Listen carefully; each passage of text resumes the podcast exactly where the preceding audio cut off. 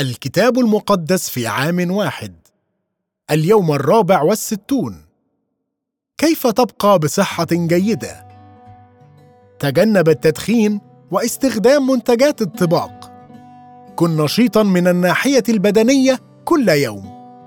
كل وجبات صحية للقلب. حافظ على وزنك المثالي. حافظ على مستوى ضغط الدم السليم. تحكم في مستويات الكوليسترول في الدم. حافظ على مستوى السكر في الدم في الحدود الصحية. بحسب جمعية القلب الأمريكية هذه هي السبعة أمور التي يجب عليك فعلها ليستمر قلبك بصحة جيدة. يزن القلب البشري أقل من رطل 450 جراما ويخفق مئة ألف خفقة في اليوم وأكثر من اثنان ونصف بليون مرة في متوسط العمر العادي. نظام جسدك المكون من أوعية دموية أوردة وشرايين ويبلغ طول الشعيرات الدموية أكثر من ستين ألف ميل وهو ما يكفي للدوران حول الكرة الأرضية أكثر من مرتين. ليس هذا مجرد مشهد رائع إنه قلب الحياة البشرية. بدون قلبك سيتوقف جسدك سريعا عن العمل. يعد مرض القلب هو أول مسببات الموت في العالم الغربي. تكلم يسوع كثيرا جدا عن القلب. والقلب هو استعارة تشير إلى الحياة الداخلية.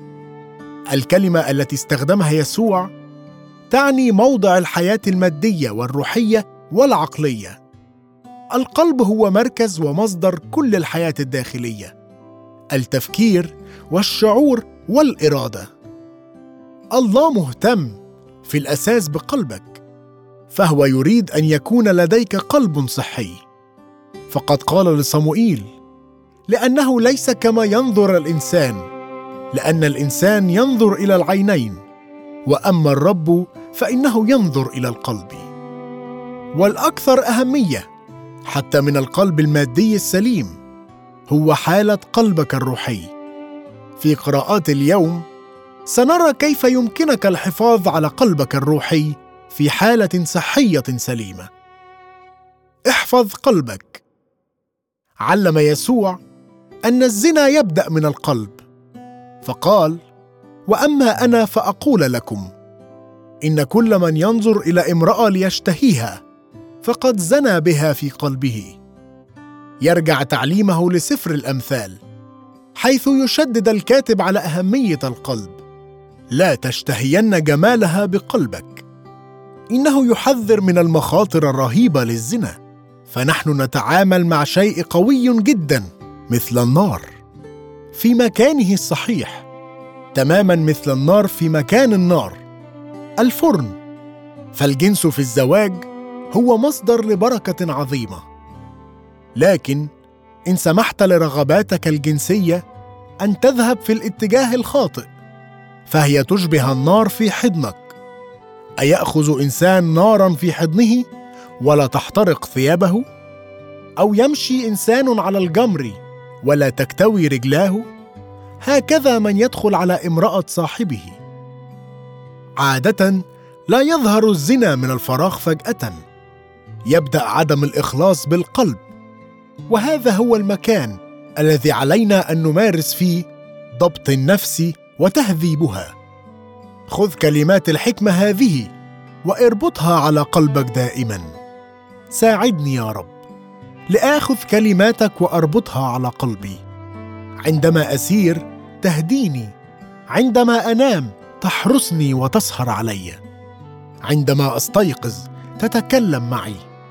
لتكن مثل مصباح ونور تبقيني على طريق الحياة. احرس قلبي يا ربي. أحبب يسوع بكل قلبك. هناك أمر مسر في تعليم يسوع وكان الجمع الكثير يسمعه بسرور. لو طلب منا أن نلخص هذا التعليم بكلمة واحدة سأستخدم كلمة المحبة. عندما سال ناموسي رجل شريعة يسوع. أي وصية من كل الوصايا هي الأهم. أجاب وتحب الرب إلهك من كل قلبك ومن كل نفسك ومن كل فكرك ومن كل قدرتك. هذه هي الوصية الأولى وثانية مثلها هي تحب قريبك كنفسك. ليس وصية أخرى أعظم من هاتين.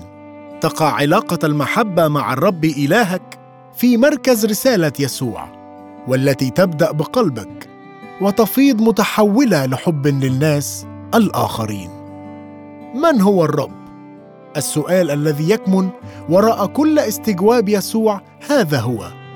من يظن هذا الرجل في نفسه؟ في أروقة الهيكل يقلب يسوع المائدة عليهم بتحدي افتراضاتهم حول المسيا الآتي المسيح. فيسألهم سؤالا مقتبسا من المزمور 110 وبه يتحدى فكرة أن المسيح سيكون ببساطة ملك من نسل داوود. لن يكون فقط ابنا لداود بل سيكون أيضا رب داود نعرف الآن أن يسوع هو الرب وصية أن نحب الرب بكل قلبنا هي وصية محبة يسوع بكل قلبنا. اجعل هذه الأولوية المطلقة في حياتك. يسوع يهتم لا بالحرفية الناموسية بل بروح الناموس ليس بالمظاهر الخارجية بل بالقلب. ركز على قلبك. إذا فحصت نفسي سأجد دائما أن هذا الرياء خطر في حياتي. إنها تجربة الاهتمام بالوضع والمكانة والمنابر والألقاب والتكريمات. وعلينا أن نكون حريصين بخصوص أن نصلي صلوات بهدف إثارة الإعجاب عوضا عن أن تكون من القلب. ينتقد يسوع القادة في أيامه لأن قلوبهم ليست صحيحة. فهم مهتمون جدا بالمظاهر الخارجية أكثر بكثير من اهتمامهم بقلوبهم. يقول يسوع وقال لهم في تعليمه تحرزوا من الكتبة الذين يرغبون المشي بالطيالسه والتحيات في الأسواق والمجالس الأولى في المجامع والمتكئات الأولى في الولائم الذين يأكلون بيوت الأرامل ولعلة يطيلون الصلوات هؤلاء يأخذون دينونة أعظم تشير كل الأمور المذكورة أن كل اهتمامهم أن يظهروا مختلفين وأن يتلقوا التكريم من الناس الآخرين. لكن الله لا يهتم بالوضع والمظهر. إنه يهتم بقلوبنا. أعطي من قلبك. يسوع ليس مهتما بحجم حافظة نقودك بل بحجم قلبك. تحدى يسوع الافتراض التقليدي بأن الله جدير بالعطايا الكبيرة أكثر من الصغيرة. ليشجعنا أنه ليس الأغنياء فقط. هم من يمكنهم أن يسروا الله بعطاياهم. الفقراء يمكنهم هذا هم أيضا. إنه يتحدى الأغنياء. إذ ليس كافيا أن تقدم ببساطة. مبالغ تفوق بكثير عطايا الفقراء. كان يسوع يبحث عن قلوب كريمة ومضحية. ما نقدمه والطريقة التي نقدم بها تعكس ما بقلوبنا. لا ينتقد يسوع في الحقيقة الأغنياء الذين يلقون كميات كبيرة من المال. لكنه يقول أن الأرملة الفقيرة التي تقدم فلسين قيمتهما ربع قد وضعت أكثر من كل الآخرين. لقد رأى يسوع قلبها وحقيقة كونها قد ألقت أكثر من جميع الذين ألقوا في الخزانة. لأن الجميع من فضلتهم ألقوا وأما هذه فمن أعوازها ألقت كل ما عندها كل معيشتها. الناس ينظرون للمظهر الخارجي أما يسوع فينظر إلى القلب. ليس الكم بل توجه القلب هو ما يهم الله. يا رب ساعدني لأحبك بكل قلبي وبكل نفسي وبكل عقلي وبكل قوتي. سامحني على الأوقات التي اهتممت فيها بالوضع أو التباهي وساعدني لأركز ليس على المظهر الخارجي بل على القلب. يا رب ساعدني لأكون كريما مضحيا في عطائي. أعطني قلبا كريما. احفظ قلبك مقدسا. غطت شرائع العهد القديم. كل مناحي الحياة. بما في ذلك الطهارة والصحة والأحوال والعادات. ونتيجة لهذا نقرأ كثيرا جدا في العهد القديم حول أنواع القواعد الموضوعة في هذا الإصحاح. بالإضافة إلى كل المحرقات والذبائح. ومع هذا فقد كانت كل هذه القواعد والقوانين تهتم بالقداسة. وكان من المفترض أن الدافع وراءها ينبع من الرغبة في إدخال السرور على قلب الله وتقليده. بكلمات أخرى كان يفترض بالشعائر الخارجية أن تعكس التوجهات الداخلية للقلب. في زمن يسوع كان الكثير من المعلمين يشددون على المكان الخطأ فقد ظنوا أن القداسة يمكن بلوغها ببساطة بطاعة قدر كامل من القواعد المهتمة بالسلوك والتصرفات الخارجية. بدلا من الطاعة القلبية نحو الله. أشار يسوع إلى وجود شيء أكثر أهمية من كل هذا. وكما رأينا في فقرة العهد الجديد اليوم ومحبته من كل القلب ومن كل الفهم ومن كل النفس ومن كل القدرة ومحبة القريب كالنفس هي أفضل من جميع المحرقات والذبائح. القداسة ليست مسألة مظهر خارجي إنها أمر يتعلق بالقلب. ساعدني يا رب.